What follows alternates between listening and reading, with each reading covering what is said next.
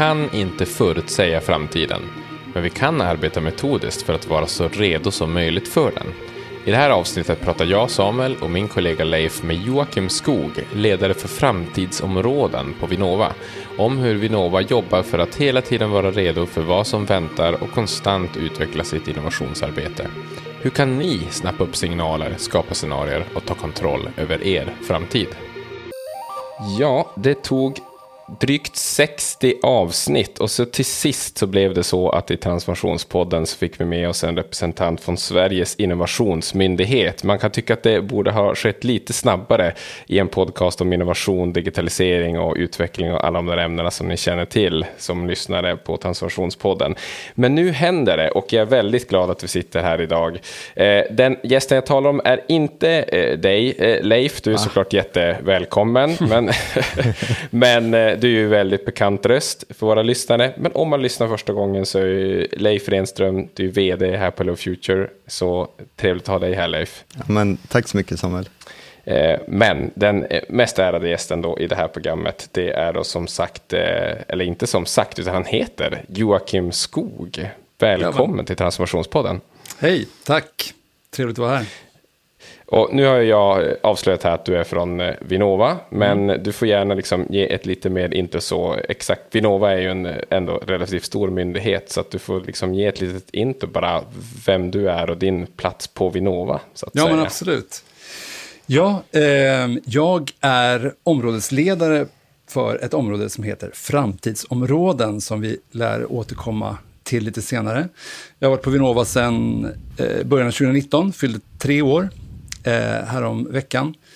Eh, har tidigare en bakgrund eh, jag var Head of Innovation på ett större eh, datadrivet eh, kredit och riskbolag där jag jobbade med både entreprenörskap och eh, öppen innovation och, och etablerade samarbeten. Huvudsakligen mellan storbolaget då, som jag jobbade på eh, och mindre startups. Och i samband med de projekt som vi gjorde där så kom jag i kontakt med Vinnova. Och eh, även om Vinnova varit på min radar, ja tidigare hette det ju Nutek och så här, har alltid funnits lite i, i, i, liksom i, i utkanten av blickfånget. Så var det mm. något nytt jag såg eh, hos Vinnova som verkligen attraherade mig. Så mm. jag sökte mig dit och eh, trivs oerhört väl med att gå till jobbet och försöka rädda världen. Som vi alla gör. Ja, Nej, men eh, vad kul. Men du, vad eh, något nytt hos Vinnova där? Så var, var det liksom att det någonting som överraskade dig eller att du hade en bild av Vinnova och bara, oh, det här stämmer inte riktigt med min bild. Eller vad var du, vad var du såg där? Eh, men det kanske var lite olika signaler. Eh, ett, eh, ett tydligt fokus, och det hade ju redan pågått ett tag, men tydligt fokus på startup-sektorn och eh, innovativa bolag.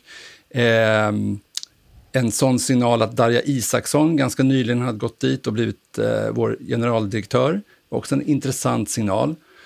Och att eh, det, och vad jag har sett också sen, sen jag kommer in, det är, en, det är liksom en sån mångfacetterad skara kollegor jag omger mig med. Liksom. Det är experter och akademiker och det är folk som kommer från banksektorn sedan tidigare och det är designers, alltså strategic design eh, kompetens och mycket mer. Så det är otroligt stimulerande och just det här tvärsektoriellt och eh, mångfacetterat helt enkelt. Och det, det kändes som en, en, en perfekt eh, kittel att kasta sig ner i.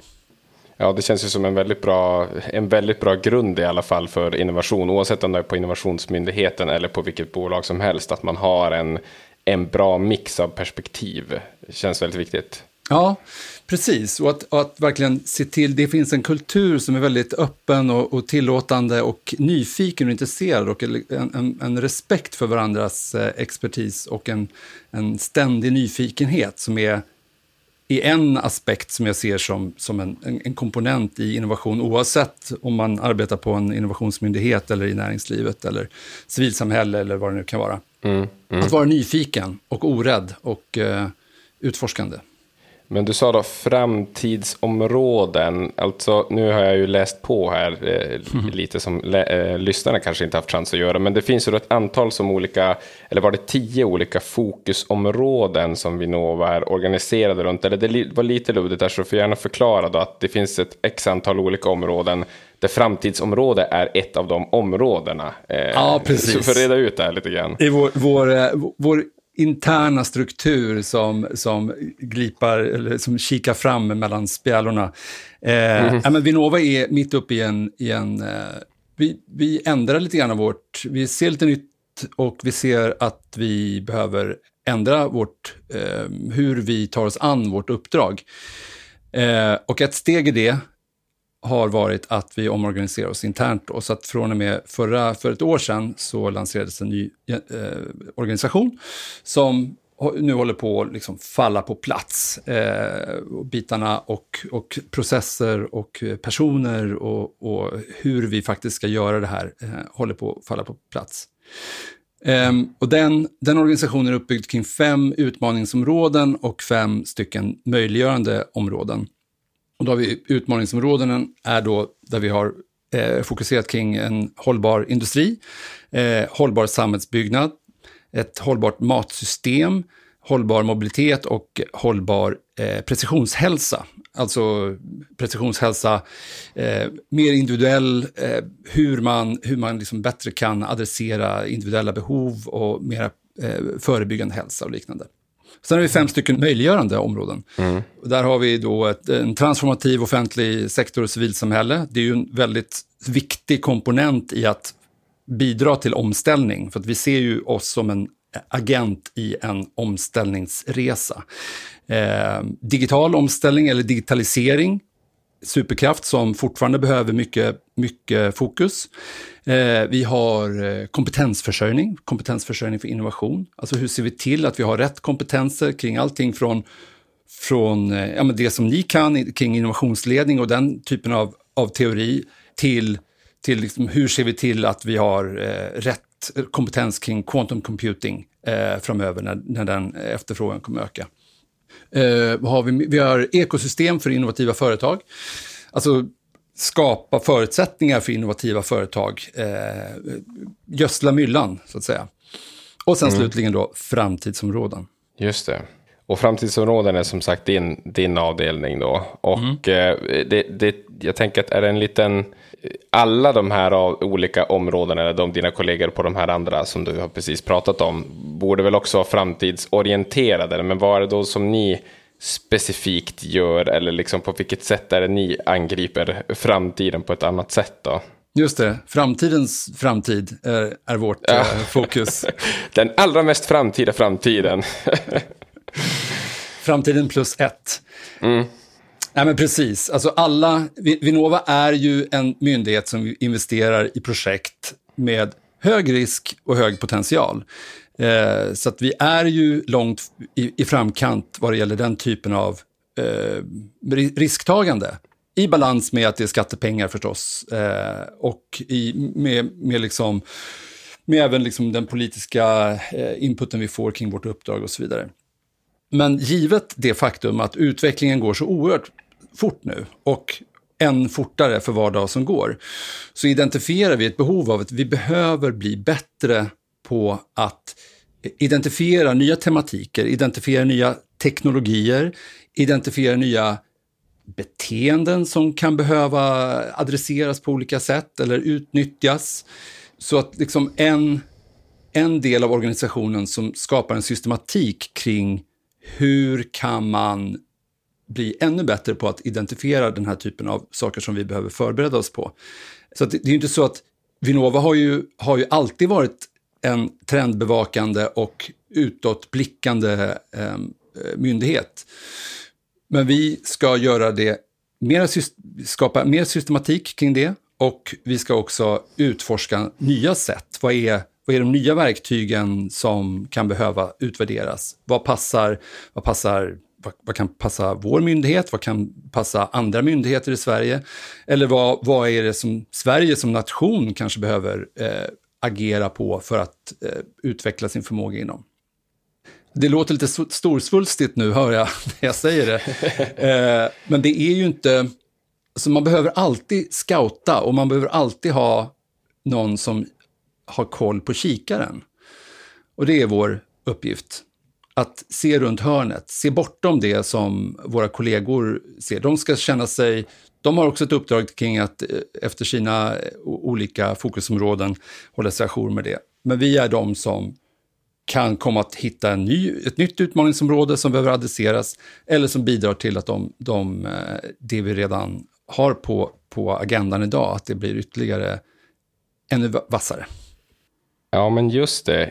Intressant, för jag tänker det här speglar ju egentligen ganska mycket. Eller det, är ju, det, det är bara intressant det är att ja, även Sveriges innovationsmyndighet behöver någon avdelning eller någon funktion som står i fören med kikaren och tittar eh, vart är vi på väg att ta in de här signalerna utifrån. För jag tänker Leif, det är, det är ju samma som vi ser och försöker ibland hjälpa till att implementera och få till på ett mer systematiskt sätt i de organisationer som, som vi jobbar med. Alla typer av verksamheter behöver liksom den, här, mm. den här kikaren helt enkelt. Ja, så är det ju. Alla behöver kikaren och dessutom har vi sett att det kan vara ganska det, det är ganska svårt, till och med för oss själva, ibland att orka hålla uppe kikaren eh, och, och använda den när man blir så upptagen med att göra eh, det, det, man ska göra nu och, och liksom här och nu. Så att eh, det, det, kan behövas någon som både tillverkar kikaren, ser till att dela ut kikarna och också kikar i den.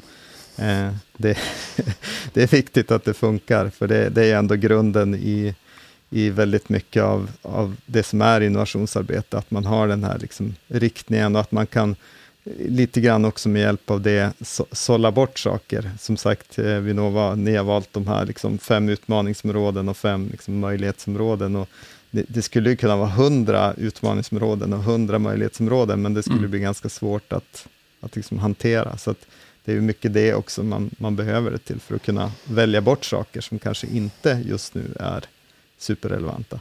Absolut, mm. så är det ju. Eh, det är också en ödmjukhet inför att vi kan ju ha fel. Och att vi måste också konstant omvärdera eller utvärdera. Har vi, har vi gjort val, rätt val?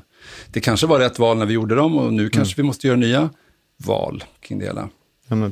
Och, annan, och just det där med att, om vi ska fortsätta på kikarmetaforen, mm. det är också en, jag tänker på det här med att eh, att vilja hålla kikan, det, det är ju många eh, sugna på.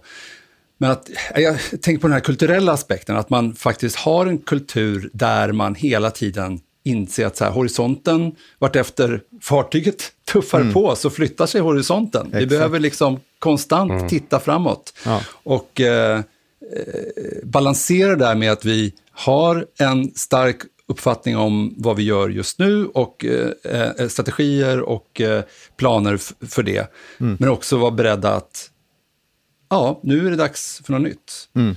Mm. Det finns, vi, kan, vi kanske återkommer till det, men det finns ett citat från eh, eh, Institute for the eh, Future, som är ett eh, Foresight-institut i USA mm. som är framstående. Ni kanske känner till det. Yes. Men där finns det en... Eh, jag hörde ett citat därifrån, att en viktiga, viktig förmåga i att arbeta med framtiden är ju liksom så här, strong opinions lightly held. Så att man mm. har liksom en stark övertygelse om att så, det här är en framtid vi ser. Men man ska också vara beredd att omvärdera och mm. säga så här, ah, du har nog rätt i det. Mm. Min framtidsvision var kanske inte riktigt lika sann som din är och så vidare. Nej, nej mm, precis. Mm. Och, och, det är mycket det här också, det, det som generellt vad, vad, vad, vi har lärt oss av, av våra, vad, vad det nu är, 13-14 år vi har jobbat med det här, är väl att eh, också att det, det, är relativt, eller relativt, men, men det kan vara ganska lätt att se en framtid som är ganska trolig, men det svåra är ju också att säga eh, hur tidsaspekten kommer att se ut.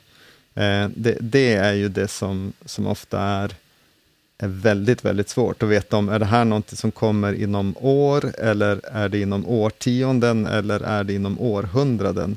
Till och med, till och med det kan ju vara svårt att säga ibland, och, och mm. brukar dra som exempel där med det här med självkörande bilar som, som jag gått genom många olika stadier, men den, jag tror det var 2003 eller 2004 utlyste man en, en eh, amerikanska försvarsmakten en, en, tävling där man bjöd in en massa företag att försöka bygga en, en självkörande bil som skulle köra, eh, det var liksom en, kanske en kilometer i öknen eller någonting. Det var ingen, det, det, låter idag väldigt enkelt, men ingen lyckades med det här och man, man kom fram till att det här i stort sett var omöjligt.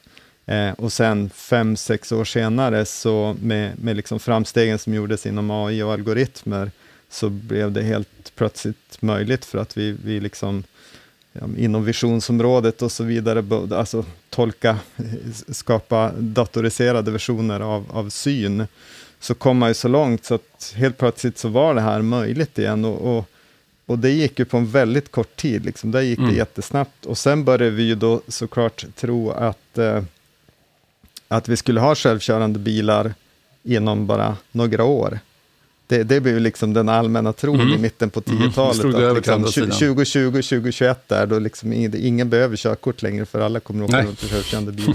och vi vet ju nu att det inte är så än.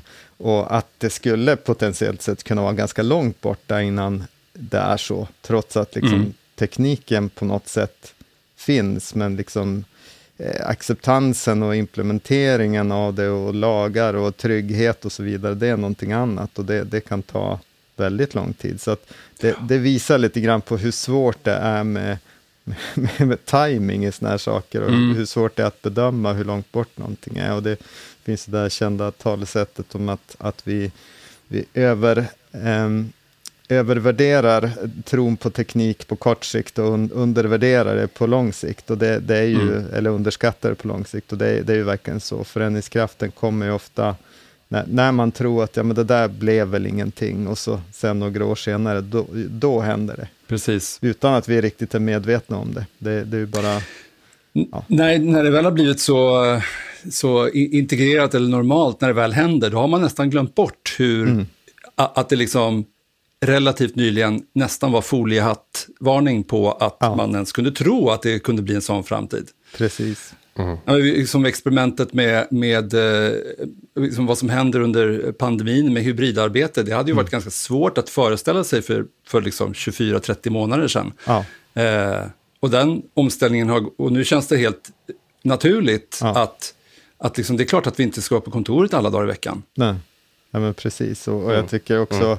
e-handel är också ett sånt område som är ganska kul att titta tillbaka på, för det är ändå bara 20 år sedan som det var den liksom, dotcom-bubblan, då alla de tidiga e-handelsföretagen i stort sett gick under, eh, för att just på grund av den här övertron att på kort sikt så kommer det här att hända, men, men liksom världen var inte beredd, men, men tio år senare så började det hända och nu 20 år senare så är det ju helt naturligt. Idag är ju, finns ju ingen i stort sett kedja som även de med, med en lång bakgrund av fysiska butiker som inte tar det på fullaste allvar.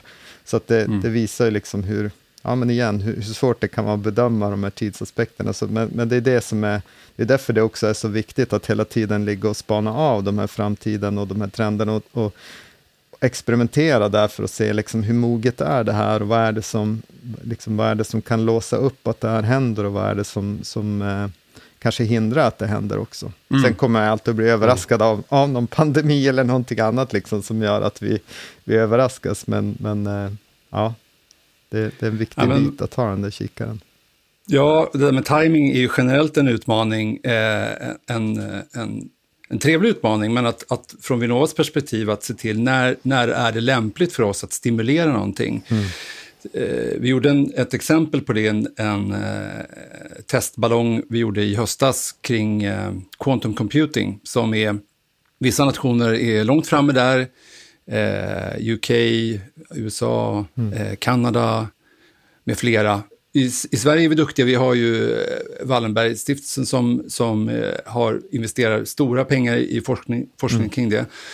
Men om vi ser på Vinnovas uppdrag att, att eh, tillgängliggöra och bidra till att tekniker växer till sig och, och tillgängliggör och, och, och ser till att de blir marknadsmässiga.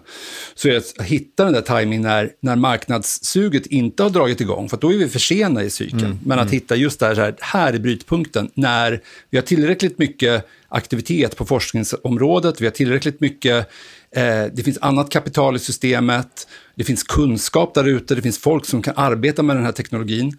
Och det finns också inte bara grundteknologin som sådan, utan liksom börja tänka kring applikationer kring det här. Vad kan, mm. alltså quantum computing är ju omvälvande inom alla industrier egentligen. Ja. Så är det nu dags. Så gjorde, vi gjorde en, en, en, en, research kring det och kom fram till att så här, men det kan vara, vi kan göra en liten testballong för att se vad som händer helt enkelt. Och fick ett, fick, eh, vi har, nu har vi en portfölj på sju projekt tror jag, eh, som sprider sig lite grann kring quantum computing grundteknologi, eh, mm. eh, brusförstärkare och, och, den typen av, av eh, saker som har, har med quantum computing överlag att göra. Men även in, inom eh, krypto och, och hälsa hade vi ett och kommunikation hade vi också ett projekt och så vidare, som visar lite grann på att så, ja, men det, kanske, det kanske börjar gro nu här mm.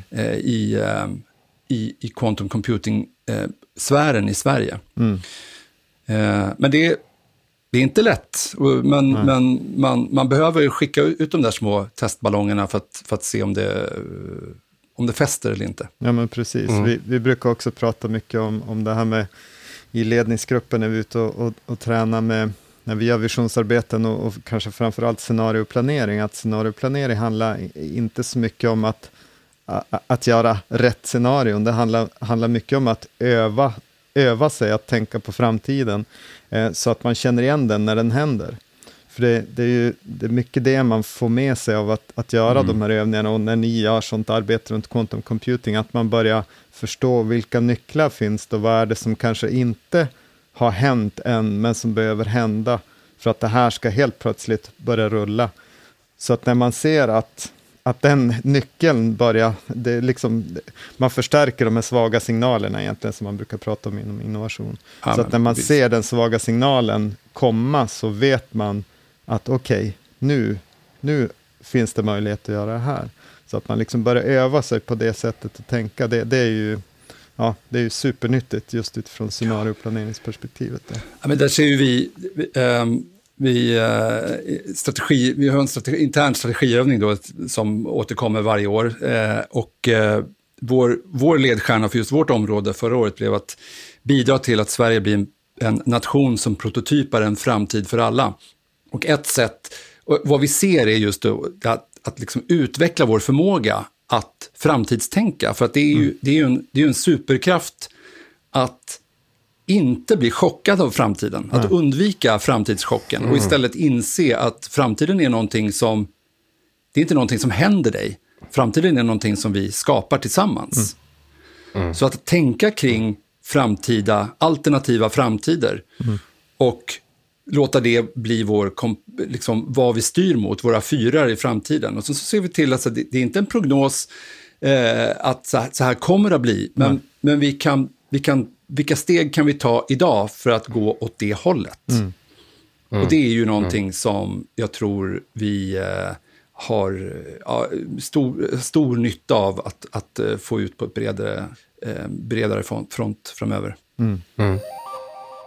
Hej, Samuel här som bryter in i ditt ordinarie program med ett snabbt tips. Lyssnar du på vår podd så har du hört oss prata om den nya europeiska innovationsstandarden ISO 56000. Att plöja igenom hela den här standarden det är ju ganska trist, många sidors pdf, så vi har satt ihop en kärnfull guide till innovationsstandarden som du kan få tillgång till genom att bara kika i textbeskrivningen av det här avsnittet i din poddspelare, följa länken där, fyll i ditt mejl och namn och så får du tillgång till guiden i ditt mejl. Så du behöver alltså inte ens pausa avsnittet du lyssnar på utan följ bara länken i avsnittets beskrivning. Så, åter till showen. Hur eh, ska vi greppa tag i de här lite olika, för det, vi har berört lite olika, alltså rent konkret metodik, för det tror jag är någonting som är väldigt lärorikt just för bara våra lyssnare att plocka upp olika de här, men hur man egentligen gör när man tittar in i framtiden, alltså så att säga eh, med de här asteriskerna som vi nu har satt, att man egentligen inte kan göra, utan att man, det handlar om att egentligen förbereda sig på olika scenarier och så vidare. Scenarioplanering har vi, har vi nämnt lite grann, det är lite bekant, tror jag, tidigare för lyssnarna av podden också, så, men andra olika begrepp och metodiker som ni använder då, eh, Joakim, eh, hur, hur ser de ut? Alltså mer rena konkreta tillvägagångssätten än att lyssna och vara påläst så att säga. Men den, det. det. konkreta steget efter det så att säga. På ett, ett, ett en, en strategisk framsynsprocess, grovt sett, ser jag, eh, skulle kunna förklara som att först så lyssnar man efter de här svaga signalerna som Leif var inne på. Alltså, mm. framtiden är ju redan här, mitt ibland oss i samtiden. Men den, man behöver anstränga sig för att se den och höra den. Så att leta efter de här svaga signalerna som man det kan vara någonting man läser i, i eh, någon nyhet man läser, eller man hör någonting, eller man ser någonting när man är ute eh, i samhället, eller man pratar med någon kollega och man inser att så här, det där beteendet, det där, hmm, det där var något nytt. Eller mm. eh, att Eh, ja, man, man ser företeelser runt sig som, som säger någonting. Ja, men det är till exempel, vi gjorde en signalspaningsövning i ett projekt och eh, samlade in lite olika saker. Då kom det in till exempel då att eh, det blir allt mer vanligt med eh, en, ensamstående föräldrar. Eh, och att det är liksom så här, ja okej, okay, ja, men det, det, det, känns ju, det är inte så kontroversiellt. Men vad gör det, vad gör det egentligen, om det är en trend, vad, vad gör det med familjebegreppet på 30 års sikt? Mm. Vad, liksom så här, två barn, hund och Volvo, vad är det om 30 år? Mm. Eh, eller en, en, helt annan signal, eh, vi såg att det kom, dykt upp eh, nyheter om eh, ekoterrorism i, i Chile. Alltså att de som i, i klimatkampens eh, namn begår terroristhandlingar. Så här, ja, det, det, är ju liksom att, det är ju ett snäpp värre än aktivism. Mm. Eh, vart är det på väg? Så den typen av, det, det, skulle kunna vara svaga signaler. Så att ett, ett steg, första steget då i framsynsprocessen är, är då liksom att identifiera och, och, samla på sig och diskutera den här typen av svaga signaler. Och sen i mm. nästa steg då så kommer man till att man analyserar det här, man, man kan klustra det och man kan sätta det i olika sammanhang och man kan skapa då scenarion som bygger på de här svaga signalerna tillsammans med, med liksom välkända trender så att det, det, liksom, det är det är evidensbaserat. Man kombinerar liksom de breda trenderna med de svaga signalerna och så skapar man olika narrativ på olika sätt. Det, det kan vara, det kan vara, ja men precis, det kan vara en berättelse. Mm. Eh, I vårt fall så håller vi just nu på med ett projekt där vi skapar artefakter, fysiska artefakter från framtiden som ska vara på besök i, i samtiden. Men olika sätt att skapa känslor kring en framtid som, som målas upp framför ögonen på en och som, där dina, dina reaktioner på det här scenariot säger någonting om, så här, är, är det så här vi vill ha det? Eller är det absolut så här vi inte vill ha det? Mm. Och i nästa steg då, eh, efter de här eh, visualiseringarna mm. eller konkretiseringen av framtiden, så okej, okay, då väljer man. Det är åt det här hållet vi vill gå. Mm. Man bygger en strategi och sen då i, i, till slut så agerar man på den strategin. Och det, det, liksom, det skulle jag säga är ett, generiskt varv i den här framsynsprocessen. Att man, man, man går igenom de här stegen. Och det skapas ju nya signaler hela tiden. Så det där är ju liksom en, man, man måste utvärdera längs med vägen och, och se så här, okej, okay, de här scenarierna och de här, eh, eh, det vi gjorde som en utkomst av den här strategin skapar ring, nya ringar på vattnet. Mm. Och så har man liksom eh, fått, fått, en, fått snurr på den här processen. Mm. Så det är väl liksom den generiska beskrivningen av, som, av en framsynsprocess. Jag tycker det är intressant att zooma in på det ordet, eller du pratar om det här med evidens, att man skapar en sorts evidens. Men det är just då att, jag tänker nyckeln att det är ju en sorts evidens, alltså det, det man kan möta är då en eh, om man har en ovana att blicka in i framtiden och att, att jobba på det här viset så kanske man då, eh, om man sätter sig i, andra, i den andra stolen här, tänker mer att men vadå, bevis kommer att bli så här? Eh, vad är beviset för det här? Alltså att det är en annan typ av evidens helt enkelt. Att man kanske har någon säger att ja, men där har du inga bevis för du vet inte att det kommer bli så där. Eller hur mm. ska vi, och hur, vad är din erfarenhet där av att liksom vad är, vad är nyckeln till att man ska våga agera på det, sätt, på det sätt som är rimligt att agera på det också? Att få det att sjunka in det här att även om okay, det är inte bevis, jag vet inte att det är så här, men vi kan ändå ta en viss typ av eh, action så att säga. Alltså hur, hur får man det att landa? Ja, men just det, det, det, finns ju en balans i det att man, man kan inte ta allt för stora, eh, allt för drastiska beslut kanske på ett scenario, eller så kan man det. Det beror ju lite grann på då evidensläget och hur säker man känner sig på att eh, Alltså återigen, det är ju inte en prognos, utan vi säger inte att det ska bli så här, men vi säger Nej. att och ska, det här, ska vi gå åt det där hållet, då vet vi 2022 mm. att det första steget, det är att eh, skapa bättre regulatoriska förutsättningar för att det ska hända. Mm. Eller mm. vi behöver eh, eh, se till att kompetensförsörjningen blir bättre inom den här, det här temat, för att det är därifrån vi, vi bygger vidare. Eh, så att det, det, är ju alltid en balans, men att se till att... Det, för att det finns ju, givetvis så blir det ju, det, det, skap, det är risk för att man skapar skepticism kring en del framtidsscenarier.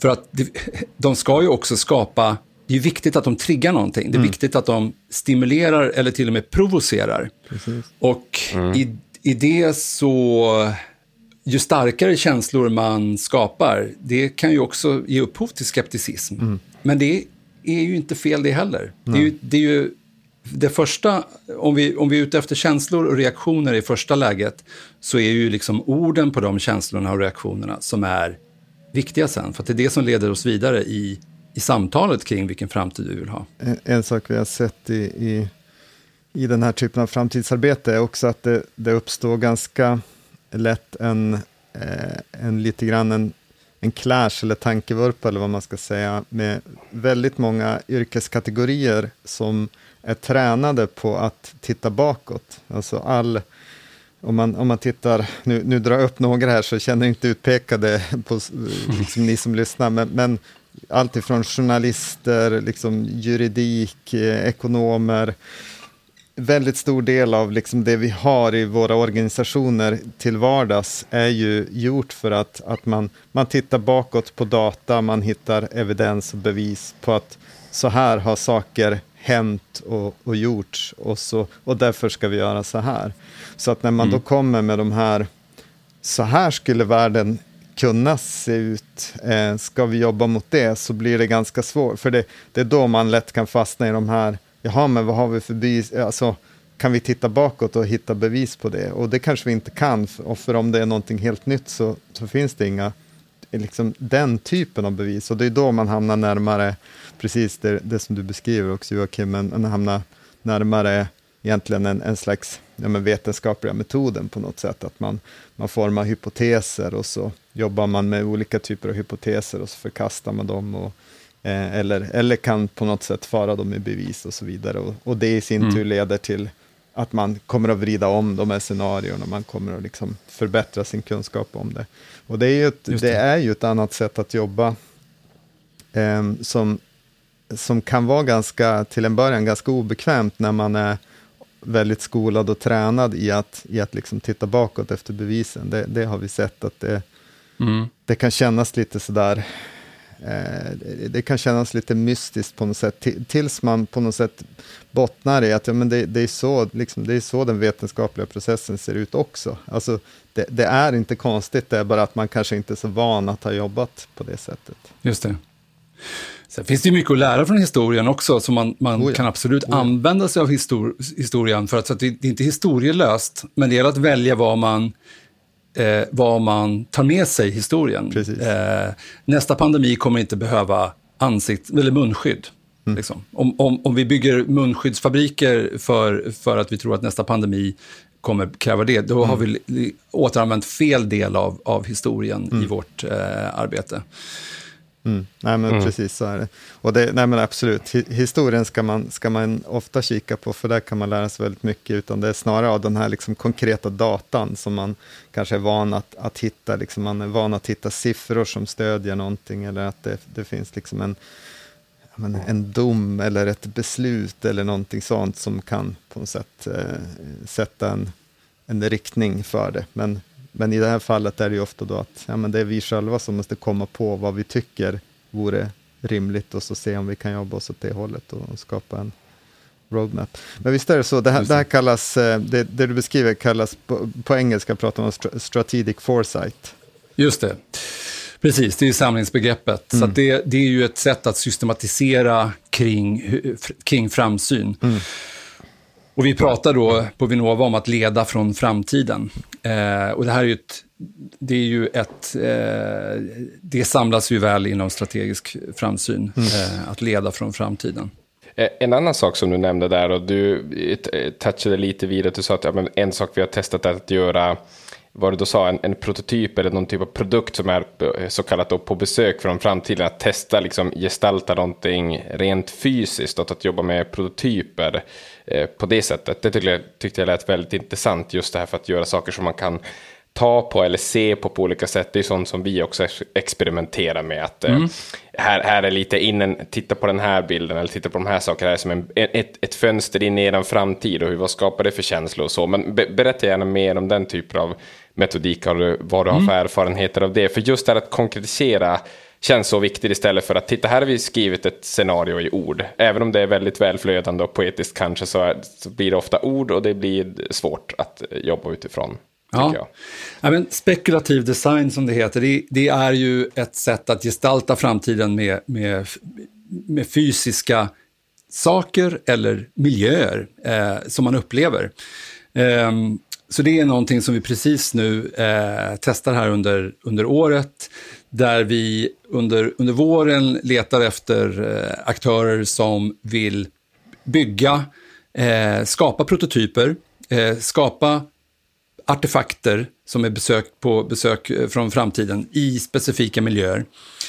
Eh, för att inom olika tematiker eh, få, få den som upplever det här eh, liksom, ta ställning till och förstå vad är, vad är det som, vad, vad, betyder den här framtiden? Temat för, för just de här prototyperna är, eh, vi, vi, ger, vi har liksom målat upp en, en, en värld där där vi antingen har löst klimatkrisen eller inte har löst klimatkrisen. Och där vi antingen har löst det med teknologin eller där det har inte liksom varit teknologidrivet. Så får man då som aktör skapa sina scenarier och idéer kring vad är det man ska uppleva då i den, det scenariot som man tecknar ut.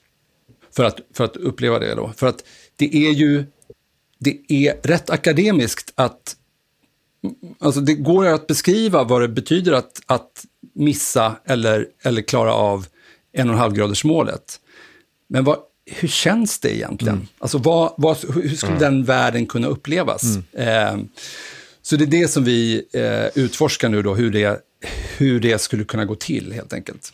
Det, det, är väldigt, eh, det är väldigt intressant när man börjar komma in på de här sakerna, för det är just ja, men hur gestaltar man de här sakerna på bästa sätt? Och då eh, bästa då i betydelsen för att verkligen få det att kännas och gå in hos den personen så att det, så att det inte bara blir de här orden. Alltså, mitt huvud går ju direkt till liksom väldigt bra science fiction exempelvis, mm. som man har läst eller sett. Och nu pratar jag om science fiction då, inte Star Wars, liksom, vilket knappt är science fiction, utan det finns ju science fiction som verkligen är mer vetenskapligt grundad, som, som utforskar en, en möjlig framtid, som verkligen har fått en att börja bli, ja men som du sa tidigare, provocerad, stimulerad och börja tänka. Hur skulle jag själv agera? Vad skulle jag, eh, hur, skulle, hur skulle jag eh, tänka och göra i den här världen? Hur skulle jag känna?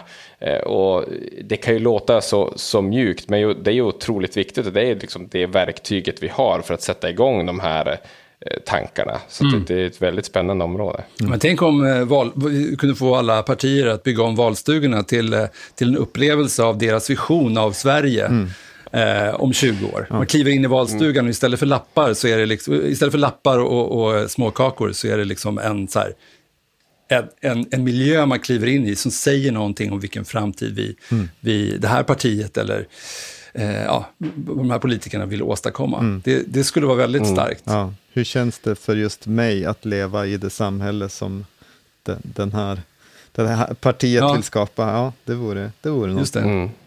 Mm. Ja, vi, det, vi, jobbar med en professor, Elliot Montgomery, som eh, jobbar på Parsons University i New York eh, och även grundare av en firma som heter Extrapolation Factory, som är eh, en byrå inom, inom just spekulativ design. Och ett av de tidigaste projekten som de gjorde, det var ju, det är snart tio år sedan, eh, det finns en kedja i, i USA som heter 99 Cent Store, där allting i butiken kostar 99 cent. Mm. Så det är en krim, krimskramsbutik.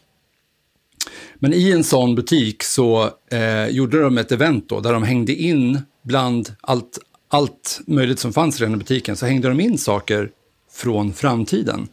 Och, mm -hmm. och liksom lät kunderna, utan att veta om egentligen vad de klev in i, men de klev in i butiken och så, så plötsligt så på, på, en, på en hängare så hänger det liksom eh, bläck till din DNA-skrivare.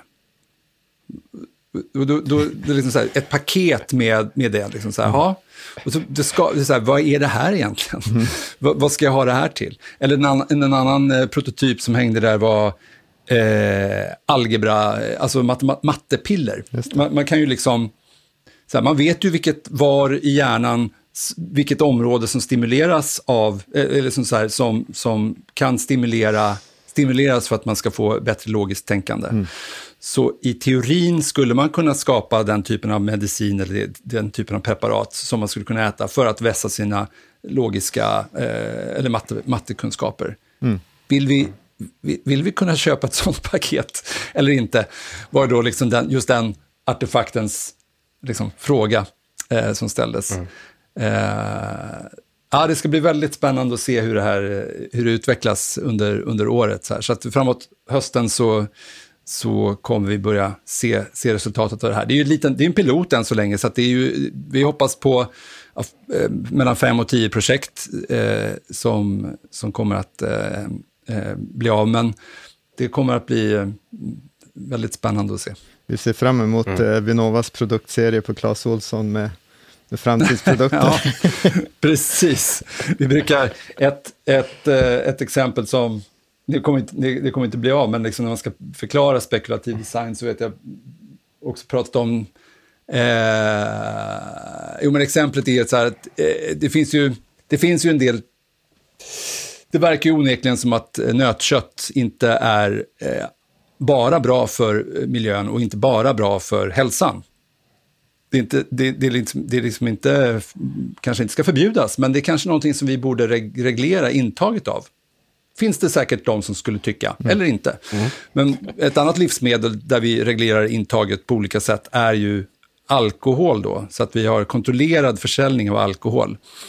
Så ska man ta den analogin till kött så skulle man ju kunna tänka sig då att den miljö som skapas är köttbolaget. Mm.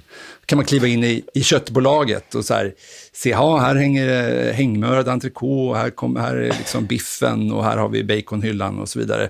Och uppleva liksom, köttbolaget, är det någonting, är det någonting eller är det någonting vi inte vill ha? Mm. Med begränsade öppettider. Och sen har vi, och sen har vi de här reklamkampanjerna om när 17-åringen tjatar om bacon. Hur ska det stå emot? Och... Precis. Ja, men precis. Ja. När, när det, exakt. Man får bacon cravings. Exakt. Ja. Mm. Nej men det är precis, det, och tankarna sticker ju direkt iväg där. Alltså man, man, man, man, kan se den bilden framför sig plötsligt och hur man skulle reagera. Och eh, i, i, min teori då i, i det här sammanhanget, det totala folkliga upproret då mm. mot ett eh, monopol på kött. Eh, mm. Eh, det blir väcker tankar så att säga, skulle bädda för en väldigt bra diskussion, låt oss hoppas då. Mm. eller, eller eventuellt och det, kaos. Och det är det som är, är så bra med, med spekulativ design eh, och fram, framtidsstudier på det här sättet, att man kan, man kan börja ställa andra frågor. Eh, om, om jag tar ner det till liksom en, en organisationsnivå ehm, eh, som, som vi mest jobbar med, så, så blir ju det skillnaden från att säga, som man kanske är van vid, liksom, hur, kan vi, hur kan vi göra det vi gör lite bättre? För det är ju någonting som alla organisationer kontinuerligt ställer sig. Och man kan kalla det lean eller Six Sigma eller kvalitetsarbete eller affärsutveckling eller beroende på vem man är. Eh, men att istället då börja fråga om, om världen ser ut så här, hur uppfyller vi vårt syfte i den världen? Vad, vad är det vi gör då? Och svaret mm. på den frågan är ofta väldigt annorlunda än att ställa sig frågan, hur kan vi göra det vi gör lite bättre? Eh, det, det, kan ju få helt, helt andra svar och det, det är det som är liksom vitsen med allt sånt här, att, att inte trampa på i sina hjulspår och göra det man redan gör lite bättre, för det, om, om det man gör inte är lika relevant längre så, så spelar det ingen roll om man är supereffektiv på att göra någonting som inte är relevant. Jag är ju hellre ineffektiv på att göra någonting som är relevant än supereffektiv på att göra något som är irrelevant. Just det. Mm. Vi pratade med, eller vi hade ett webbinar här med, med Citra som är finsk, eh, finsk stiftelse som arbetar mycket med Futures Thinking. Eh, förebilder på många sätt och vis, långt framme. Finland överlag är, är väldigt långt framme inom eh, foresight på olika okay. eh, sätt. Så att, eh, väldigt mm. intressant att vi, ja, vi pratar mycket med dem och eh, ser hur vi kan samarbeta. Vi hade ett webbinar här i början av januari med, med eh, Mikko Duva därifrån som är en av deras senior foresight specialists. Och, och, eh, han presenterar lite, de har just lanserat en uh, Weak Signals Report som jag tror finns på engelska nu. Jag har inte sett den än, mm. men den skulle komma översatt uh, under, under vår, våren här. Uh, och efter eftersnacket så, så kom det upp så här, vad, vad är vi den yngre generationen, så här, vad, vad, är du orolig för? Är den unga generationen, är det de, vi tänker mycket på att vi vill skapa en, framt, en bättre framtid för, för de unga. Är det, är det de vi bör vara oroliga för? Sa han att nej, alltså de, de unga är jag inte orolig för. Jag upplever att de har fattat det. Men däremot liksom 80, 70, 60-talisterna, mm. eh, att vi inte riktigt har greppat magnituden av omställning som krävs mm. framöver, ur, ett, ur just klimathotsperspektiv. Mm. Då.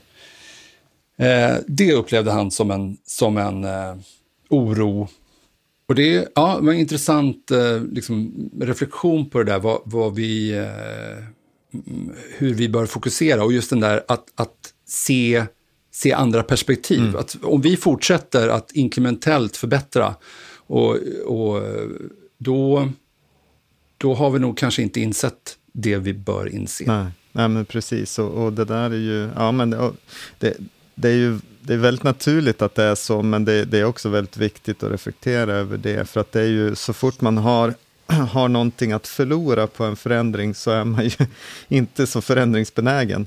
Eh, så att om Nej. man upplever sig eh, ha någonting att förlora, så, så vill man ju eh, vill man helst inte förändras. Och, och det är ju där man då behöver jobba mycket med ja, men hur ser en, en, en bra alternativ framtid ut för alla födda på 60, 70, 80-talen som, som eh, liksom är kanske vinnare i det liksom, industriella eh, systemet, så att säga. Eh, med liksom höga villapriser och, och, fina bilar och välbetalda jobb och så vidare. Allt det här man liksom har byggt upp som, som man är väldigt rädd om. Vad är, vad är ett bättre alternativ för, för de mm. människorna? För det är, då är vi inne på liksom grunden i all förändringsmetodik egentligen. Att all, all förändring är jobbig så länge den inte innehåller någonting där vi kan se att vi, vi går till någonting bättre, för då är vi ju beredda som människor att göra helt vansinnigt mycket arbete och uppoffringar mm.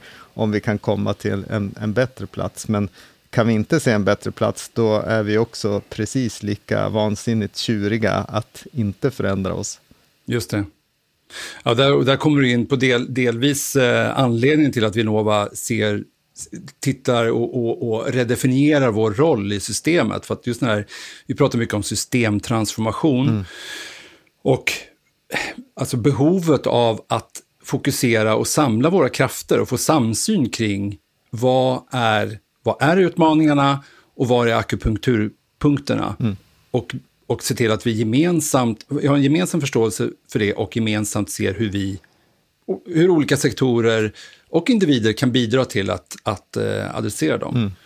Och där kan vi ta som, som myndighet, eh, istället för att vara en innovationsfinansieringsmyndighet, vilket vi fortsatt kommer, vi kommer fortsatt finansiera eh, innovativa projekt, men vara en innovationsmyndighet som samlar aktörerna. Vi, har ju, vi, vi sitter ju på en position som neutral part eh, och har en nära kontakt med eh, ekosystemet, om man ska vara lite slarvig då, men liksom med, med, mm. med Quadruple Helix-aktörerna. Mm. Och kan, kan få det här runda bordsamtalet i, i vilken form det nu faktiskt görs, för att hitta, eh, hitta samsyn kring det. Mm. Så det är där vi ser att vi, vi kan ta en, en mer proaktiv roll i det eh, och, och, skapa förutsättningarna och facilitera den dialog som behövs mellan alla parter. Mm. Har, har, ni börjat eh, gräva i det eller har du någon erfarenhet där så långt just i hur den här systematiska eh, bilden skapas eller hur man får den enigheten kring det. För att det här är intressant för att det här är ett ämne som vi har mer och mer från olika håll här i podden och sen även i det vi vårt dagliga arbete gör så ser vi att det är så många som börjar komma fram till den här punkten att vi måste få det här systemgreppet, vi måste se hur andra aktörer inne på det här området, inte minst kopplat till hållbarhetsfrågan givetvis då, mm. eftersom att den åker liksom, raket på allas agenda. Så vet inte Joakim vad du har för erfarenhet där kring liksom hur, hur börjar vi nysta i det här och få den här systemperspektivet? För att det är så svårt. Det är lätt att lita sin egen organisation, någon sorts hierarkisk mm. karta eller visa det här är vår organisation. Men sen när man tar klivet utanför det och ser hur det här systemet interagerar, då blir det, då blir det svårare. Men vi började experimentera med uh, att göra piloter inom mission, mission driven innovation för några år sedan. Mm. Uh, gjorde två piloter, en inom mobilitet och en inom uh, mat, matsystemet. Eh, som bägge lever vidare sedan dess. Så mission driven innovation är, är ju ett, eh, det är ju i sig ett ramverk kring hur man eh, identifierar ett mission, ett tydligt mål med tanke på det du, det, det du just sa Leif om, om liksom att identifiera vad är det vi vill, vad är, vad är utmaningen här, mm. vad, är, vad är vårt mission som vi ska lösa? Mm. Och samla oss kring det, samla oss kring, kring att, att det här är vår gemensamma bild av problematiken. Och sen så är ju då i, i Mission Driven Innovation-processen så, så, är ju tidigt är att vi samlar aktörerna kring det, det fysiska bordet. Att liksom vi, vi målar upp systemet framför varandras ögon. Eh, I mobilitet så har vi med oss liksom trafikplanerare och vi har beteendevetare och man har eh, e-, elektrifieringsexperter, säkerhet alla har sina perspektiv, alla har sina olika ingredienser i, i den här systemkartan. Men gemensamt så, så målar man upp en nästan komplett bild av att så här, det här är alla komponenter i systemet. Eh, och då, då börjar liksom akupunkturpunkterna urskilja sig. Och då börjar man förstå att så här, ah, det här det här det är. En slutsats i, i, i hållbara matsystems eh, missionarbetet var ju till exempel att så här, skolan, så här, bra förutsättningar, eh, eh skolmat är, där börjar mycket av eh, vanor och kunskap kring, kring mat att sätta sig. Outnyttjad potential. Vad kan vi göra i skolmatköken för att väcka intresset och öka förståelsen för matens betydelse för hälsa, för, för klimat och andra aspekter som, som leder till hållbarhet?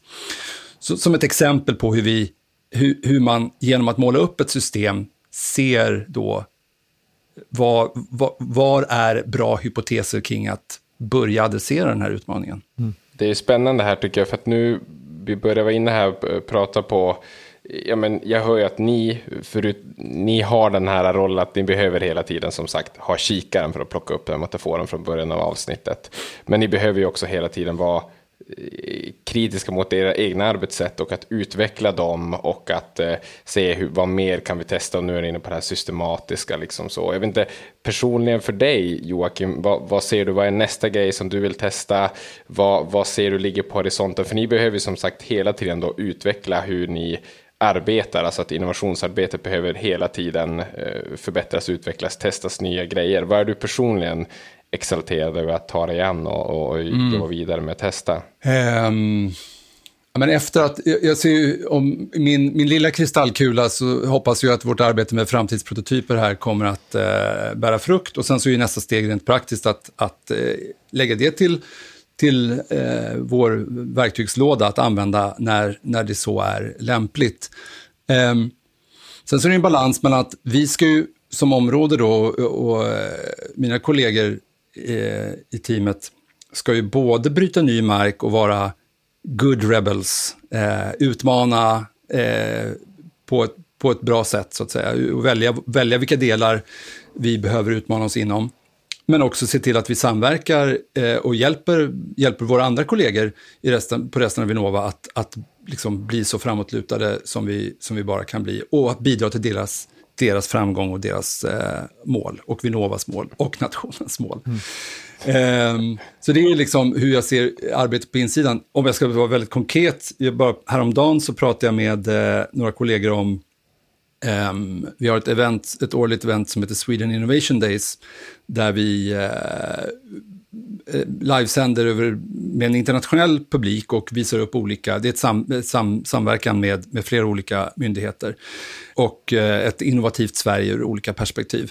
Och eh, vi hade en liten brainstorm kring, kring vad vi skulle kunna göra nästa år då, ur tema, teman och, och ämnen att ta upp.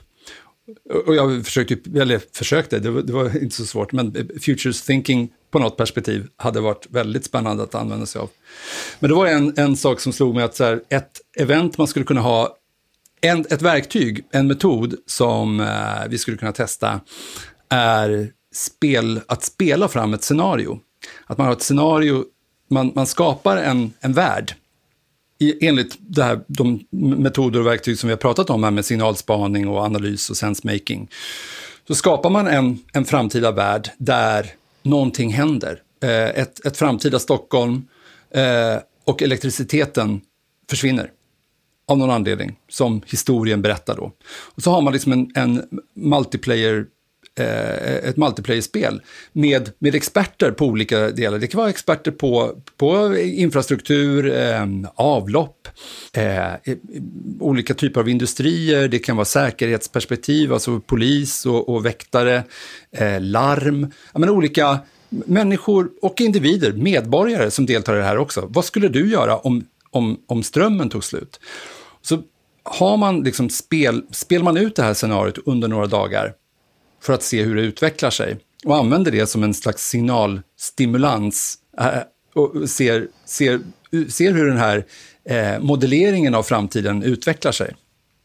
För att sen så använda det som inspiration till eh, ja, men nya aktiviteter och insatser. Eller man kanske, man kanske identifierar en ny utmaning som man inte alls hade tänkt sig förut. Att det uppstår, uppstår en problematik i det här scenariot som man inte riktigt hade kunnat föreställa sig om man inte hade fått just den här korsbefruktningen mellan olika, många olika kompetenser. Mm, mm. Så det, det, det, var någonting som jag ja, blev sugen på att uh, gräva vidare i.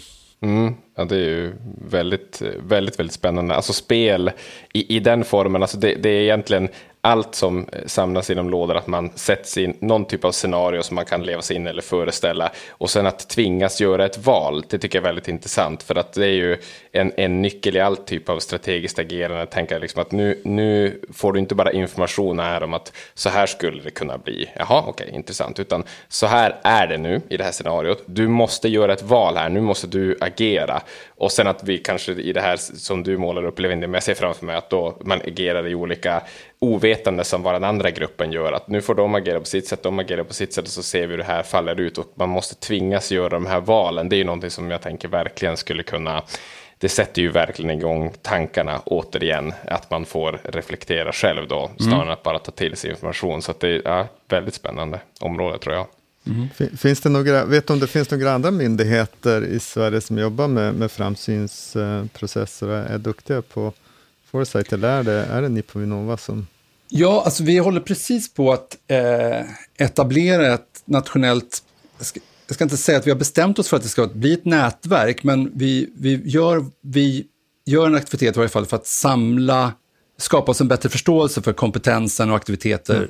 I Sverige på just framsynsområdet. Mm. Och det finns absolut myndigheter som jobbar mycket med, med eh, scenarier så, sedan länge. Ehm, eh, PTS gör det, SMHI är ju liksom, jobbar inte bara med prognoser ja. utan även eh, scenarier och med flera. Eh, så att det görs på lite olika håll. Eh, jag tror mycket på att vi eh, det finns mycket samverkan. Det, det, är också någonting som jag tänker på ur, ur Vinnovas perspektiv, att inte... Vi hittar, alltså ja, vi ska experimentera och innovera hur vi innoverar. Men samtidigt ska vi inte göra om eh, vi, vi, ska inte göra om någonting som redan finns. Mm. Det gäller att bygg, bygga vidare på det som redan mm. Så att, mm. eh, att, att, göra saker i samverkan tillsammans med andra aktörer eh, är, är ett ledord för oss som, som är viktigt. Men då just inom framsynsområdet, att, att skapa det här, eh, skapa en, börja med i varje fall att identifiera vilka är vi i, i Sverige, eh, både, både näringsliv och, och eh, offentlig sektor som arbetar med den här typen av verktyg. Mm. Så får vi se om det, om det eh, i vilken, ja, första steget blir att eh, samla, samlas tillsammans och se så här, vad har vi för gemensamma utmaningar? Vad, mm. vad, har, vad finns behoven? Är, är behovet ett nätverk? Ja, men då, då ser vi till att vi, att vi formaliserar det på något bra ja, sätt. Ja, precis. Um, ja, det, det, är spännande, för jag tänkte bara, vi, vi är nu, när vi spelar in där, eh, så är det februari 2022 och eh, det är ju ett ge, geopolitiskt känsligt läge i Europa med, med liksom en eventuellt stundande konflikt eh, i Ukraina som där det skulle faktiskt vara lite spännande om man tänker så här, kanske vi borde jobba så med, med liksom krisberedskap i Sverige. Tänk om vi kunde jobba med scenarion och, och eh, liksom strategic foresight, framsyn, tillsammans med befolkningen. Liksom, för det är egentligen nu vi borde tänka på scenarion, vad händer om, eh, lite som du var, eh, tänkte på när du sa där att Stockholm skulle vara utan ström. Vad händer om, om internet slås ut under ett par månader i Sverige? Mm. Hur klarar vi det? Mm. I, i, mm. I en liksom här, krigsberedskap. Vi kanske inte är med i kriget, men vi kanske får liksom kringeffekter av en konflikt som skulle påverka oss ganska starkt. Liksom, hur, hur jobbar mm. man med sånt? Det skulle vara jättespännande att, att liksom lyfta upp den här typen av metodik i att bättre förbereda liksom, precis quattro helix-grejen, både liksom civilsamhälle, mm. näringsliv, myndigheter, och, offentlig sektor, utbildning, allting på hur agerar vi då? Vad gör vi då? Ja, men precis. Ja, det är intressant och det finns ett intresse. Eh, vi pratar till exempel med MSB och ur just det perspektivet ja. att så här, det skulle vara en intressant sak att börja utforska tillsammans mm. Eh, på något sätt. Och se, se vilka roller tar man i, en sån, eh, i ett sånt arbete. Ja. Eh, vi har alla slimmade, det är ju slimmade resurser och det gäller att prioritera rätt saker hela jo, tiden. Ja, det det. Och kanske inte skrämma upp befolkningen hela tiden i onödan heller. Så Nej, så det, precis. Det, ja, men, du står, Ja men verkligen, ja, men det är liksom ett, ett köttbolag kanske är på väg mot en dystopisk, ja, men för vissa skulle det kännas dystopiskt att vi skulle ha ännu mer statlig kontroll över vad vi äter och så vidare. Mm. Det vore ju fruktansvärt. Eh, mm. Men, men en, en dystopi eh, där, ja, tänk om inte Instagram fungerar. Mm. Det skulle vara hur, hur överlever man? TikTok har gått ner. Nej, men alltså, eh, hur, mm. vad händer om, om eh, vatten och sanitet slutar fungera? Eh, det, det, blir nog raskt en dystopi. Och det är mm. inte Eh, alltså visst, man ska, man ska skapa och provocera känslor, provocera fram känslor. Men eh, det där är också en viktig balansgång i att inte eh, skrämma, skrämma upp eh, i, i onödan. Det, det gäller att eh, ha, ha, koll på det mm. där.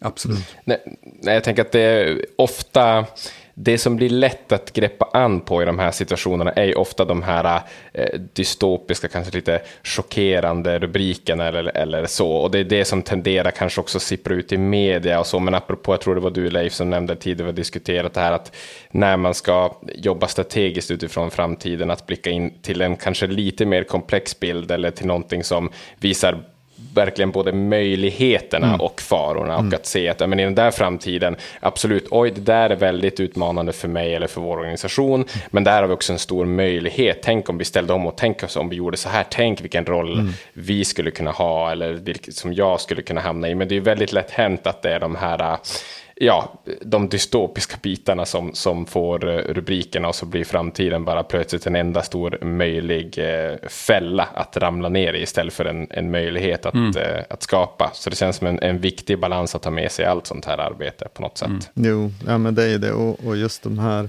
särskilt när det gäller de här typ av Black Swan events eh, som är lite så oväntade stora saker som ofta kan liksom radera ut Eh, mycket kunskap som vi har, hur, hur, vi tror att saker är. För att tittar vi, vi tittar ofta, som sagt, man tittar ofta bakåt på saker och så grundar man någon typ av, det är alltid bra att ha ett rörligt elpris och så hugger man ut liksom en, en, en del i historien och så tittar man, jo men det har varit bra under den här tiden, men så händer det liksom en incident och så har man raderat ut eh, liksom 20 års att det har varit bra att ha rörligt elpris kan försvinna på en vinter. Liksom, för att det händer någonting. Och, och det är den där att bli lite mer liksom, varse om att, att sånt finns och sånt händer.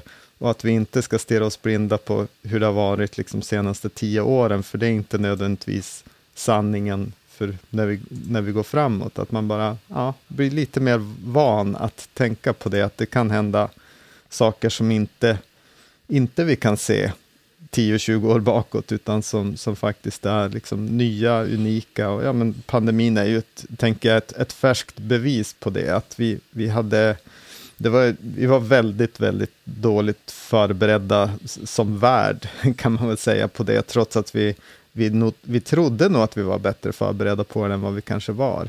Eh, sen, mm. sen har vi ju eh, kanske på många sätt liksom löst det ganska bra på, mång, på många ställen i alla fall, ut, utifrån liksom att dagligen så här, komma på, vad gör vi nu? Eh, men, men det kunde ha varit mycket värre och då, då, eh, då hade det blivit ännu mer uppenbart liksom att, att vi var ganska oförberedda. Exempelvis att man, mm. ja, men jag tänker bara som en tydlig sak som har hänt här är att, att, att man baserar liksom, antalet akutvårdsplatser eller intensivvårdsplatser är det snarare, på, på liksom någon typ av historik. Så här har det sett ut de senaste tio åren och då behöver vi så här många platser. Men det behövs ju bara att det händer liksom en oförutsedd händelse så kanske vi behöver tio gånger så många.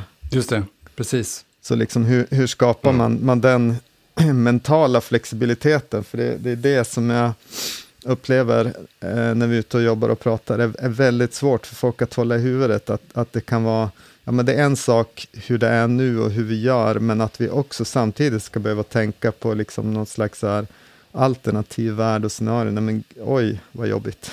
det, det, och, och, det mm. är jobbigt. Det är liksom mentalt krävande. Vi använder vår eh, prefrontal cortex väldigt mycket för att liksom spela upp de här scenarierna i våra, vårt huvud. Så det är uttröttande, men, men vi, måste, vi måste orka göra det. Jag tror det, man, man, kan inte undvika de tankarna. Eh, ett väldigt, eh, det slår mig nu när vi pratar om det här att jag möttes av en liknande teknik när, när vi skulle få vårt första barn. Vi gick profylaxkurs och det var en övning, den övningen som verkligen eh, satte spår, det var att, att, att visualisera målbilden eh, av, liksom här, när, när är ni klara? När, när känner ni att det här projekt barn Alltså få barn, mm. när är det slut? Så här, bestäm er för det, när är tidpunkten när ni känner så här, men nu, nu är det bra. Den andra, målbild, eller den andra bilden som hon bad oss eh, att visualisera, och det var också liksom, ur det här öva upp vårt tank, tank, tänk, tänkande kring att det kan hända dåliga saker mm. också. Det, mm. det, det, det kan bli snabba ryck, det kan bli akut, det kan vara så att eh, eh din, din din fru åker åt ena hållet och ditt barn åker åt andra mm. hållet och du står kvar och du vet inte vad som händer. Så här, vad är det som... Alltså visualisera katastrofen på något vis. För att det gör dig mera beredd på att det kommer inte hända. Det är inte, avsikten är ju inte att du ska gå omkring och tro så att, att eh, måla upp de värsta bilderna och att du, du tror att det faktiskt är så. Men att försätta sig i det tillståndet en liten mm. stund mm. och tänka att så här, det kan, det behöver inte gå jättebra. Mm. Det kan bli lite akut ett tag, det, men och, och liksom att för att då öva upp den här förmågan att tänka, tänka lite dystopiskt mm. och eh, katastrofscenario, mm. för att det övar upp din förmåga att hålla dig aningens lite, lite mer kontrollerad eller, eller liksom känna att så här, det, det, allting är inte helt nytt, utan den här känslan Oh, jag kände ju den här känslan förut, så det är inte första gången i varje fall som jag känner den. Precis. Mm, precis. Men ändå satt i ett, eh, i en metodik och flera av de olika typerna av metodikerna och greppen som du har pratat om här i, i podden idag tycker jag Joakim, just att man har satt det i, man satt i en kontext där man har gjort något av det, att det är en väldigt stor skillnad på att eh, ligga och vrida och vända sig på natten klockan eh, två och oroa sig över saker mm. och att ta konkret och säga att jag ska måla upp ett scenario. Det är en möjlighet att det blir så här. Du står där, frun ditåt, barnet ditåt. Hur tänker du då? Hur känns det nu? Så att man nästan har upplevt det om det skulle vara så att den 0,7 procents risken faller ut, då, då har du liksom varit där och har en vana. Så att säga. Det, är ändå, det är satt i en metodik mm. och det, det tänker jag är en viktig sak att poängtera. Så att, säga, att det är långt ifrån att man ska gå och dagdrömma och oroa sig över saker. Det är inte det, är inte Nej, det, det handlar om. Nej, men exakt, och för att återkomma till det där, eh, eh, kraften i framtidstänkande. Att liksom så här, syftet är ju att du ska känna att du har på, du kan bidra till att skapa en bättre mm. framtid. Det är mm. inte hopplöst. Nej. Mm. man kan, det, finns, det finns saker som vi alla kan bidra med. Så att, att, att, eh, att snurra under natten av oro kan ersättas av en känsla av makt. Mm över, mm. över hur saker och ting utvecklar sig. Och det är väl grundsyftet med, med att, att bli bättre på framtidstänkande. Mm. Tillsammans med lite stoisk ja. filosofi, att det är vissa saker jag kan påverka, andra saker jag inte kan mm. påverka. Och, och liksom, så, eh, så, att ha, ha lite koll på vilka saker kan jag påverka om, om de saker jag inte kan påverka händer. Så att, eh, ja, Just det. det är bra. Mm. Precis. Ja, väldigt eh, spännande område det här och det hoppas jag verkligen att våra, våra lyssnare också har tyckt här idag. Eh, det är dags att börja knyta ihop säcken för, för den här eh, podden. Men du Joakim, jag tänkte lite så här Eh, nu har vi varit inne på jättemycket spännande saker som händer på Vinnova, specifikt då på din, eh, ditt område, då, framtidsområdet. Va, var kan man eh, gå för att lära sig mer om det här? Hur ska man följa för att se eh, allt det som ni gör och hålla koll på, kolla koll på framtiden tack vare er? Då? Vi, precis, i, i sann... Eh, alltså, transparens är också ett, det är ett annat ledord för oss. Vi vill ju ha så mycket förståelse för, eh, både samla in information om kring, kring, metoder och teorier kring det här området, men också att se till att det vi gör, till exempel i det här framtidsprototyper, vi vill ju höra signaler, vi vill ju skapa känslor, vi måste ju lyssna till det. Så vi, det är väldigt kommunikativt, allt vi gör. Eh, på vinnova.se så har vi eh, dels av framtidsområden sin egen eh, liten mikrosajt där, där vi samlar information om, om hur vi jobbar med framsyn och eh, pågående projekt och så inom, inom området. Och vi har även en, en projektblogg där för framtidsprototyper som, som man kan följa eh, projekten här under, under året. Och sen så kommer det ju när, när prototyperna väl börjar se dagens ljus eh, så kommer ju det naturligtvis också synas eh, både där och eh, i andra kanaler. Så att eh, följ, följ Vinnova så, så kommer ni få höra av oss där.